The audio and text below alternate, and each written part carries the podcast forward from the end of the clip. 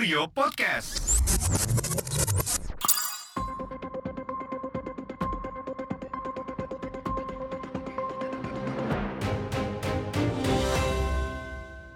Oke, teman-teman Kurio, uh, balik lagi di podcast Rangkum, uh, masih dengan gue Ipang. Kali ini gue uh, masih sendirian, nggak ditemenin sama tim editorial Kurio.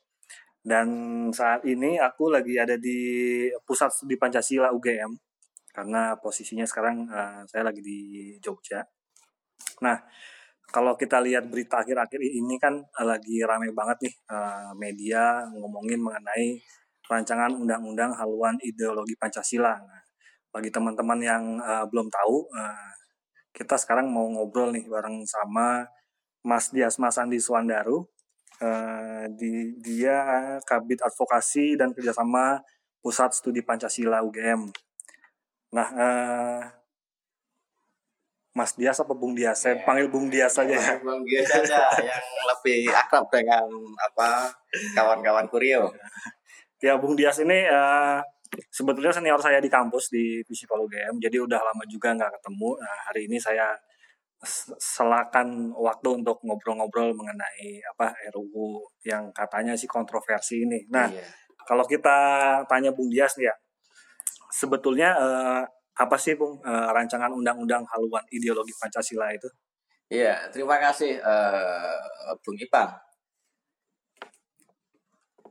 ini hari ini kan memang mulai ke uh, dua tiga minggu terakhir ini kan mulai agak rame agak rame tentang apa itu apa RUU HIP hmm. yang disebut rancangan undang-undang haluan ideologi Pancasila.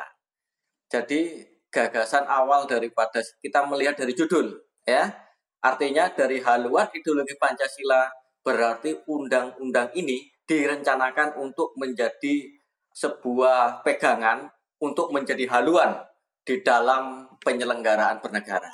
Hmm, hmm. Artinya yang namanya haluan itu juga mengatur banyak hal. Ya. Okay. Mengatur banyak hal bisa saja e, mengatur tentang bagaimana e, pelaksanaan, perencanaan serta evaluasi dan pelaksanaan Pancasila itu dilaksanakan oleh penyelenggara negara. Hmm. Ya. Sehingga yang diatur di sini adalah bagaimana penyelenggara negara dalam hal ini semua yang bekerja untuk negara Republik Indonesia itu adalah penyelenggara negara. Mereka itu harus mempunyai pedoman, harus berangkat pada haluan ideologi ini. Mulai dari perencanaan, pelaksanaan hingga evaluasi. Oke. Okay. Ya, sehingga di sini ditempatkan Pancasila sebagai dasar negara. Hmm. Karena sebagai dasar negara itu harus menjadi pegangan bagi penyelenggara negara. Oke. Okay. Itu yang kedua ya itu uh, sebagai song atau sebagai pandangan hidup masyarakat. Nah, bagaimana uh, masyarakat ini juga mempunyai semacam apa guidance uh, sebagai uh, pegangan di dalam kehidupan bermasyarakat. Tetapi undang-undang ini juga tidak mengatur bagaimana kamu harus baik atau buruk menurut negara.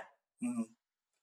Ya, tapi bagaimana kita sebagai manusia Indonesia, kita sebagai e, masyarakat Indonesia disebut di sana disebut sebagai masyarakat Pancasila. Hmm. Yaitu bagaimana kita tetap bisa menghargai satu sama lain ya. Hmm. nilai-nilai kebaikan lah yang kira-kira yang apa yang yang yang ditawarkan dari situ. Hmm. Jadi uh, stressing dari RUU itu sebenarnya di situ yang pertama itu sebagai guidance bagi penyelenggara negara yaitu dalam apa perencanaan, pelaksanaan dan evaluasi. Hmm. Yang kedua bagi uh, bagi masyarakat. Hmm. Oke. Okay. Ya, kira-kira seperti itu gambaran umumnya. Nah, nah kemudian kan uh, sekarang ini kan jadi kontroversi karena ada beberapa poin yang uh, tidak disepakati gitu oleh beberapa kalangan mungkin ya. Nah, kalau menurut Bung Dia sendiri ada poin-poin yang uh, kontroversi itu seperti apa, Bung? Nah, yang pertama itu uh, kita melihat kontroversi itu kan muncul saat ya karena ini kan ada embel-embel kata ideologi Pancasila. Hmm. Otomatis di Indonesia itu juga banyak banyak beragam ideologi. Oke, okay, okay. ya kan. Tapi kita harus letakkan di sini Pancasila sebagai ideologi negara, artinya sebagai uh, filsafah pegangan bagi penyelenggaraan negara Republik Indonesia. Hmm, hmm. Nah, di masyarakat itu banyak ideologi-ideologi. Oke. Ya, ideologi-ideologi. Nah, masyarakat melihatnya nanti ya kontroversi itu muncul yaitu untuk membentengi agar uh, tidak masuk ideologi-ideologi lain selain Pancasila. Contohnya apa? Nah, contohnya di situ adalah uh, ideologi komunisme. Hmm. Ya, nah yang kuat narasi yang paling kuat itu adalah yang pertama itu tidak masuknya uh, TAP MPRS nomor 25. Oke. Okay. Ya, yang tentang pelarangan uh, dan pembubaran tentang okay. komunisme ataupun PKI. Hmm. Nah, itulah yang menjadi uh, kekhawatiran bagi sebagian masyarakat, yaitu apa? Tidak dimasukkannya uh, TAP MPR itu di dalam konsideran ya, dasar menimbang. Oke. Okay. Nah, itulah yang kemudian ditafsirkan akan membahayakan Pancasila dan bisa digrogoti dengan adanya ideologi komunisme. Hmm. Ya, hmm. jadi tidak dimasukkannya TAP MPR itulah yang uh, menimbulkan kekhawatiran. Hmm. Itu yang pertama. Hmm. Ya, terus yang kedua, eh, yaitu di dalam eh, pasal-pasal eh, 7 khususnya itu adalah tentang eh, yang disebut dengan sendi pokok dan ciri pokok Pancasila. Hmm. Ya, Eh, kawan-kawan mungkin sudah tahu yang namanya ciri-ciri Pancasila itu yang pertama itu kan uh, nilai ketuhanan, ya, nilai kemanusiaan, ya, terus nilai kebangsaan atau persatuan, terus yang keempat itu adalah nilai kerakyatan, yang kelima itu adalah nilai keadilan sosial, ya. Nah, di dalam pasal itu itu kemudian dijelaskan tentang uh, ciri-ciri pokok itu yaitu eh, menjadi eh, trisila dan kemudian menjadi ekasila yang kemudian disebut eh, gotong royong. Mhm. Nah, inilah eh, inilah inilah yang menjadi eh, perdebatan yang kedua. Mhm. Eh, masyarakat sebagian orang itu tidak ingin Pancasila itu Pancasila itu yang seperti di uh, pembukaan Undang-Undang 45 gitu loh. Hmm. Bukan yang di apa ya bukan yang diperas menjadi trisila ataupun ekasila. Hmm. Sebenarnya nggak masalah juga gitu loh.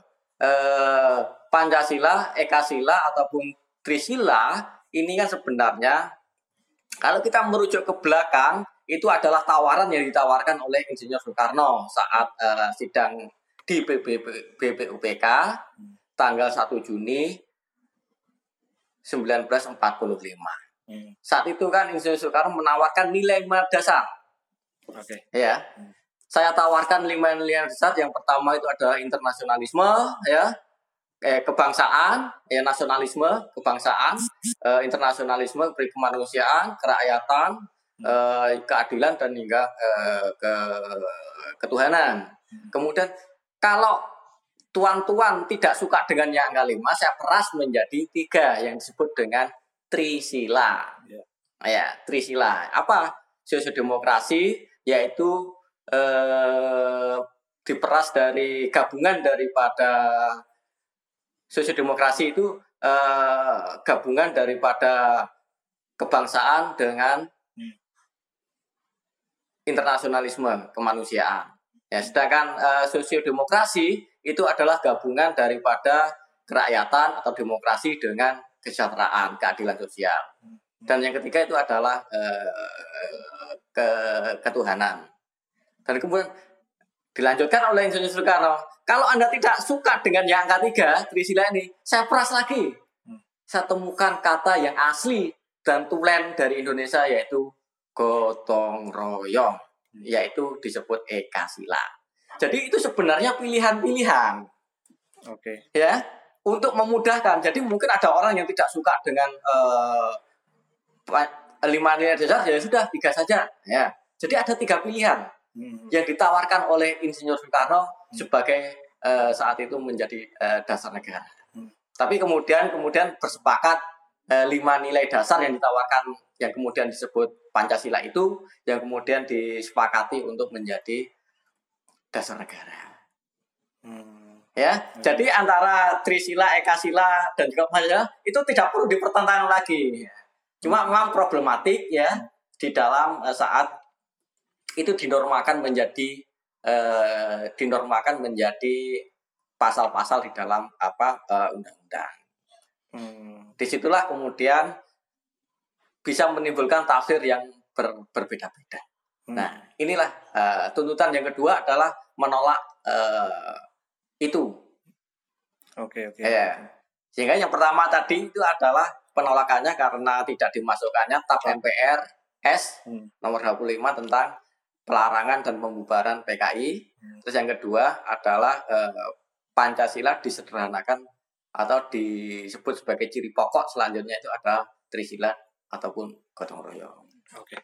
Poin-poin krusial yang jadi kontroversi itu ya Bung ya. Itu eh, dua hal itu Dua yang, hal itu ya. yang Nah sebetulnya kalau misalkan kita melihat mengenai urgensinya terhadap undang-undang ini Bung ya. Sejauh mana sih kalau menurut Bung Dias Bung? Iya, yang pertama itu eh, tadi sudah akhirnya pemerintah dan DPR bersepakat undang-undang ini ditunda Hmm. Dan beberapa fraksi Hmm. itu sepakat TAP MPR tentang PKI pelarangan PKI itu dicantumkan. Oke. Terus yang kedua, tuntutan kedua pemerasan itu dihilangkan itu juga disepakati. Artinya sudah clear sebenarnya. Jadi undang-undang ini sudah apa sudah mencapai persepakatan antara keinginan masyarakat, keinginan pemerintah dan keinginan DPR. Hmm, hmm. Sehingga dua tuntutan itu sudah dipenuhi. Oke. Nah, oke. Hmm. Sekarang kita mengajak tentang urgensinya. Nah, ketika ini sudah disepakati, TAP MPR setelah larangan PKI juga dimasukkan Hmm. dan juga tentang pemerasan Pancasila itu juga dihapus. Hmm. Sekarang kita bicara ur- urgensi, ya. Kita bicara urgensi. Eh, kita tahu kan, eh, kawan-kawan mungkin yang kelahiran tahun waktu reformasi, ya itu kita tidak pernah kenal dengan yang namanya ideologi Pancasila, Oke. ya kan? Karena apa di dalam Undang-Undang Pendidikan Tinggi, pendidikan Pancasila itu hilang, Hmm. tidak menjadi pelajaran wajib, ya, Iya iya iya betul betul. tidak menjadi, ya itu menjadi yang menjadi pelajaran wajib di dalam Undang-Undang Sistem Pendidikan Nasional itu satu pendidikan agama, dua itu adalah pendidikan bahasa, yang ketiga itu adalah PKN, pendidikan kewarganegaraan. Hmm. Jadi eh, kawan-kawan yang lahir ataupun yang tumbuh kecil di masa itu ya, yang saat itu sekolah SD Hmm. pasti tidak eh, tidak kenal Pancasila secara mendalam. Hmm. hmm. Sehingga Pancasila hanya diajarkan hanya beberapa kali pertemuan saja. Hmm. Karena Pancasila menjadi subbagian daripada pendidikan kewarganegaraan. Nah, ini ini ini yang kelirunya saat itu. Akhirnya apa? Saat itu setelah reformasi sampai 15 tahun setelah reformasi, kita akan tahu kan ketika ada ke semacam kekosongan ideologi, Iya. ya. Hmm. Kita tahu kan saat Orde Baru tumbang selesai itu kan Pancasila eh, tidak diajarkan lagi. Hmm. Sehingga yang masuk itu adalah ideologi trans internasional. Hmm. Makanya meledaklah bom Bali hmm. ya tahun 2002, ya kan? Bahkan di Amerika itu ada yang namanya eh, eh, WTC. Hmm. Itu kan juga kena serangan teroris. Hmm. Hmm. Tapi itu tahun 2001, seingat saya. Hmm. Ya di Indonesia ada bom Bali 1 dan ada bom Bali 2. Hmm. Ya. Dan kemudian ideologi-ideologi radikalisme, terorisme itu akhirnya menjadi sangat kuat di Indonesia. Hmm. hmm. Ya kan? Karena apa? Kekosongan ideologi negara ini. Oke. Setelah 15 tahun, bayangkan. Ya, Indonesia tidak pernah mengkampanyekan tentang ideologi Pancasila. Hmm. Akhirnya apa? Ketika ada kekosongan ideologi, ideologi yang lain yang masuk. Maka tidak heran ketika tumbuh suburnya eh, paham-paham tentang khilafah. Hmm. Ya, yang kemudian dibubarkan oleh negara karena ini eh, membahayakan Pancasila. Ini juga akan membentuk sebuah negara baru yang berpaham khilafah. Hmm. Hmm. Ya. Nah, akhirnya mungkin kita tidak sadar bahwa itu dikira sebagai bagian dari ajaran agama Islam. Klaimnya kan seperti itu. Bagi generasi muda saat itu ya mungkin yang terpengaruh di paham khilafah mungkin dianggap iya Hmm. tapi sebenarnya itu salah keliru gitu loh ya kan Iya. apa karena mereka akan menganut sebuah sistem sendiri Hmm, hmm. nah itulah selama 15 tahun itu ideologi trans internasional itu masuk Oke, oke. ya kita kan tahu akhirnya di Indonesia banyak sekali kan eh, narapidana teroris itu kan Hmm. ya dan kelompok-kelompok radikal lainnya Hmm. nah itu karena ada apakah salah adik-adik ataupun kawan-kawan yang lahir saat itu ya tidak salah ya karena memang eh, mereka tidak pernah tahu kok tidak pernah belajar tentang ideologi Pancasila kok tahunya hanya apa hanya satu ataupun tiga kali pertemuan paling banyak itu Hmm. Hmm. ya sehingga orang-orang mencari ideologi ditawarkanlah ideologi-ideologi yang itu mungkin dianggap eh, benar Hmm. uh ini ada ini adalah ajaran khilafah ini sesuai propagandanya kan seperti itu Ya, ya. ya kan Hmm. tapi ternyata itu mempunyai agenda setting yang lainnya Hmm. akhirnya buktinya jelas ya buktinya negara eh, membubarkan seperti hanya di PKI saat itu ingin mendirikan negara juga Ya, ya. PKI itu kan juga pernah pernah memberontak Hmm.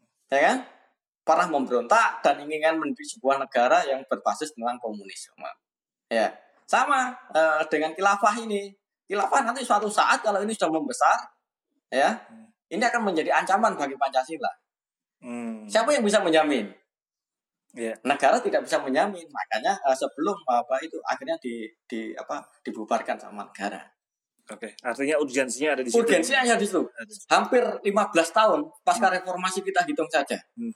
ya kan Hmm. baru negara membuat yang namanya sadar oh ternyata masyarakat saya itu akhirnya gampang sekali dampaknya kan kita tengok hari ini Hmm. sebentar-sebentar orang konflik atas nama agama Hmm. Hmm. sebentar-sebentar konflik atas nama apa suku Hmm. ya kan Hmm. konflik yang sebentar-sebentar atas nama separatis, eh, separatisme Iya. ya kan Hmm. kita tengok aja itu fakta-fakta yang bisa kita eh, lihat Kalau kita lihat sekarang, Bung ya, eh, kita kan juga tahu ada yang namanya eh, lembaga baru yang namanya eh, BPIP ya. oh iya BBB ya Nah, kalau misalkan kita lihat dari BPIP itu sendiri, apakah eh, adanya RUU ini atau nanti akan menjadi undang-undang kalau misalkan jadi undang-undang eh, akan memperkuat posisi BPIP atau justru sebetulnya kan orang tahu nih sekarang kan sudah ada BPIP gitu loh Iya. atau gimana bu? Iya. Nah, negara kemudian sadar ya, makanya itu perlu adanya sebuah lembaga yang membidangi khusus tentang Pancasila. Hmm. Karena itu tahun 2017 dibuatlah yang namanya eh, Perpres, Hmm. ya kan? Hmm. Eh, tentang unit kerja pembinaan ideologi unit kerja presiden pembinaan ideologi Pancasila. Hmm. Ya, yang kemudian ini dinaikkan eh, menjadi badan Hmm. kalau karena logikanya kalau unit itu kan eh, kecil Hmm. subbagian dan ini menjadi badan pembinaan ideologi Pancasila tahun 2018. Nah, akhirnya eh, di dalam salah satu poin di dalam eh, undang-undang HIP ini adalah ada keinginan di situ yaitu tentang penguatan eh, lembaga ini Oke. Hmm. yang kemarin itu dibentuk karena perpres sekarang dibuat dalam bentuk undang-undang. Hmm. Nah sebenarnya spirit daripada un- undang-undang ini adalah undang-undang untuk pengamalan Pancasila dan penguatan kelembagaan tentang Pancasila. Dalam hal ini adalah BPIP Hmm. yang kemarin hanya dibubuhkan dengan apa? Dengan perpres besok dengan cara undang-undang. Hmm. Logikanya ini bis- bisa bisa bisa kita terima dengan apa? Dengan nalar yang apa? Yang bisa kita terima. Apa? Banyak sekali lembaga-lembaga. Anda tahu BMKG Hmm. BMKG itu Meteorologi dan Geofisika itu dibentuk itu adalah penjabaran dari Pancasila ya tentang kewilayahan ya tentang iklim dan seterusnya itu dibentuk dengan undang-undang Hmm. Nah, ini masa undang un- ah, masa lembaga yang membidangi Pancasila itu eh, levelnya lebih rendah daripada lembaga non struktural lainnya seperti BMKG misalnya. Iya.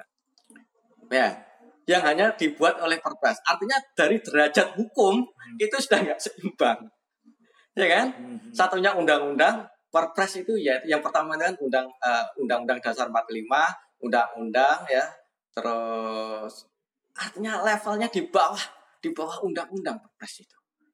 Hmm. Tetapi kalau dengan adanya undang-undang, ini akan menjadi legitimasi yang sangat kuat. Artinya dia akan bisa dengan adanya perpres itu dia tidak bisa nyuruh-nyuruh kementerian itu nggak bisa. Hmm. Ya, nyuruh dalam artian, hei kamu Kementerian Pendidikan, tolong laksanakan tentang apa eh, tentang perencanaan pelaksanaan Pancasila. Nggak bisa. Apa mau kedudukanmu perpres? Perpres itu adik saya gitu loh. Iya. Iya kan? Sedangkan saya ini kementerian dibentuk oleh undang-undang lah gitu. Masa kamu yang legalnya apa perpres nyuruh saya yang dibentuk karena undang-undang? Hmm. Oke, paham ya logikanya ya? Ya, jadi eh, ini dengan dinaikkan levelnya dari perpres menjadi undang-undang, itu akhirnya dia bisa berkoordinasi dengan lembaga-lembaga lain, lembaga-lembaga negara lainnya yang setingkat, Hmm. ya. Sehingga akan memu- mempermudah di dalam apa eh, pengamalan Pancasila itu. Sehingga lebih mudah dalam berkoordinasi. Ya kira-kira kalau duduk itu bisa sejajar lah. Hmm. Kita tahu kan eh, di dalam birokrasi itu kalau presiden itu duduknya di depan ya, menteri di sampingnya ya, di bawah eh, eh, seperti seperti itu. Hmm.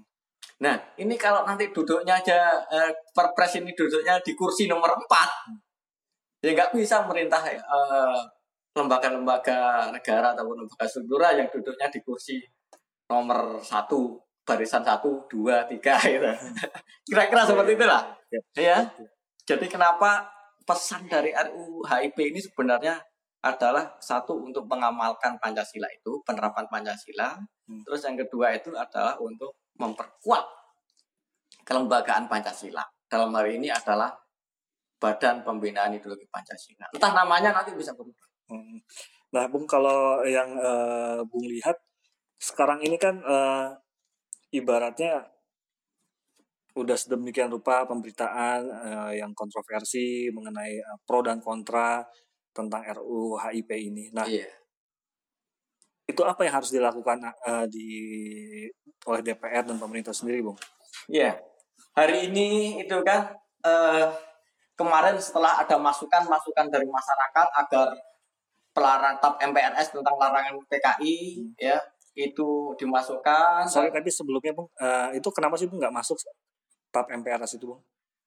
Eh, mungkin itu eh, itu domain dari DPR ya karena itu kan mungkin dikiranya mungkin dikiranya eh, kan TAP MPR hari ini kan MPR itu kan tidak diberi kewenangan untuk menjadi membuat tap-tap Hmm. ya kan Eh, sehingga asumsi dasarnya adalah sudah ada tap MPR lainnya yang sudah eh, sudah mengatur tapi ya nggak masalah ya namanya dinamika kan mungkin apa juga apa Hmm. eh, kenapa itu kok tidak dimasukkan Hmm. bisa saja saat itu mereka berasumsi mungkin sudah diatur oleh tap MPR konsideran yang lainnya Oke, oke. tapi kan masyarakat minta ditegaskan Iya. Ah. ya kan Hmm. Itu kan banyak sekali tap MPR yang dirujuk sebagai konsideran Hmm. tapi kayaknya eh, masyarakat minta yang lebih tegas gitu Oke. ya Nah, oke jadi yang nggak yang yang yang yang nggak masalah juga gitu. Oke, terus tadi yang ini Bung lanjutin yang apa? Eh, apa Ya, yang harus dilakukan oleh pemerintah ya pemerintah hari ini eh, saya melihat eh, cukup bijaksana Eh, saya mengapresiasi apa yang dilakukan oleh pemerintah dan juga DPR yaitu yang namanya draft RUU itu kan ada kesepakatan dua pihak pemerintah dan DPR Hmm. ya jadi ada dua ada undang-undang itu secara prosedur itu diusulkan oleh pemerintah Hmm. ada undang-undang RUU itu yang diusulkan oleh eh, DPR. Hmm. Nah, hari ini itu adalah RUU yang diusulkan oleh DPR, Oke. ya. Jadi DPR yang di parlemen sana itu sudah sepakat ini untuk menjadi undang-undang. Hmm, hmm. Makanya dibuat naskah akademik dibuat RUU-nya dan kemudian disampaikan ke publik ya dan kemudian juga ke pemerintah. Hmm. Ya, ternyata di publik mendapat respon seperti itu, ya kan? Dan pemerintah menangkap itu.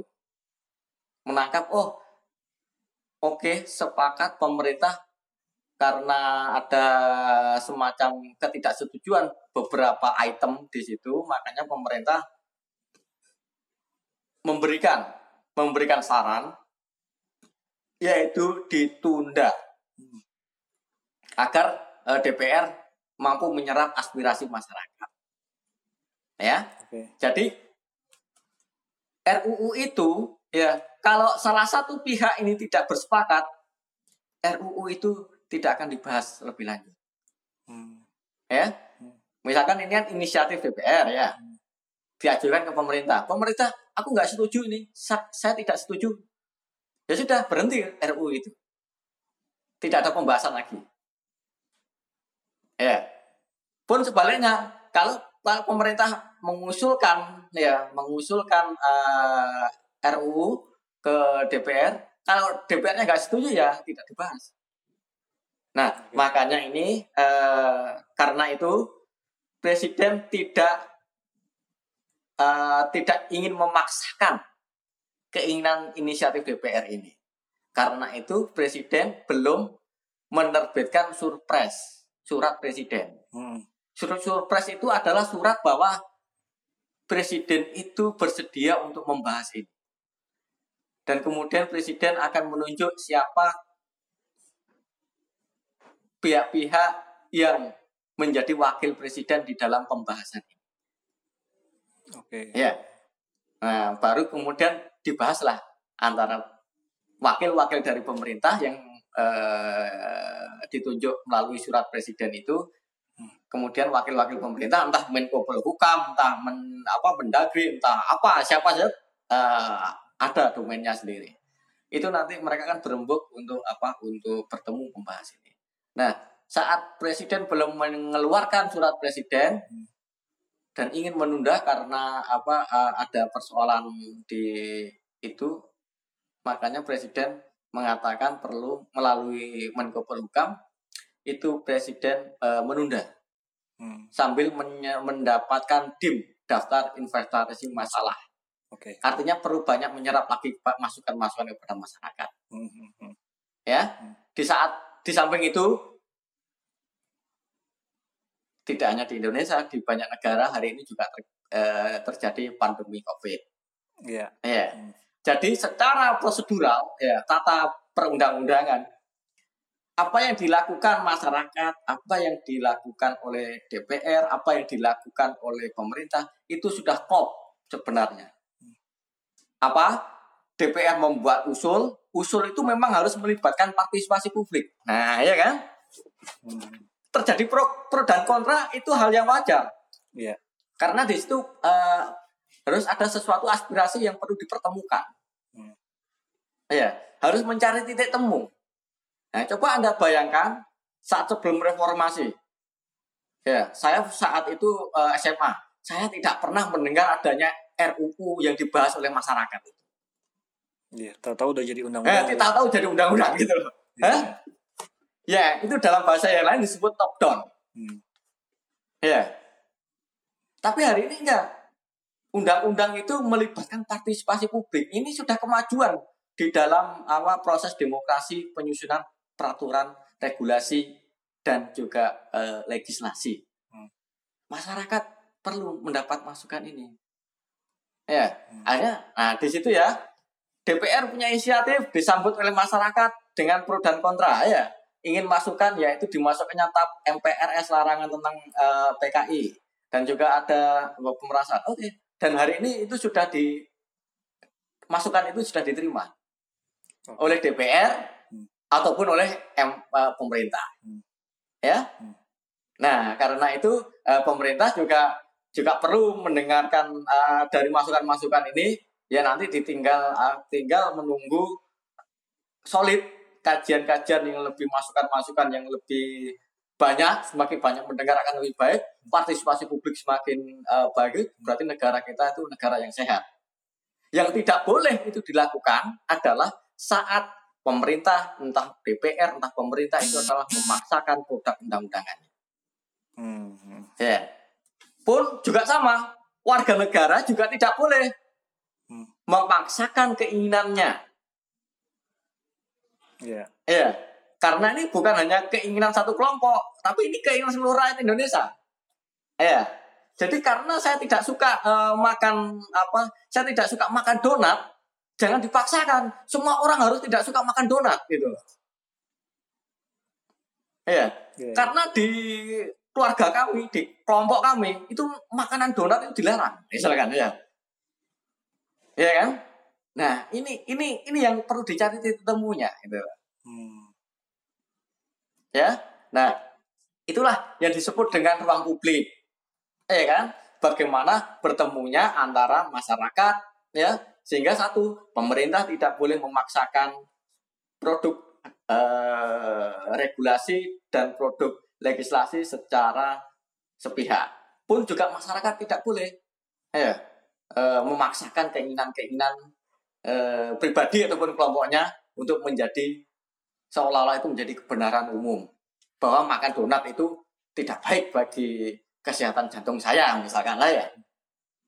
Ya karena itu di situlah mencari titik temu. Hmm. ya. Hmm. eh, ya.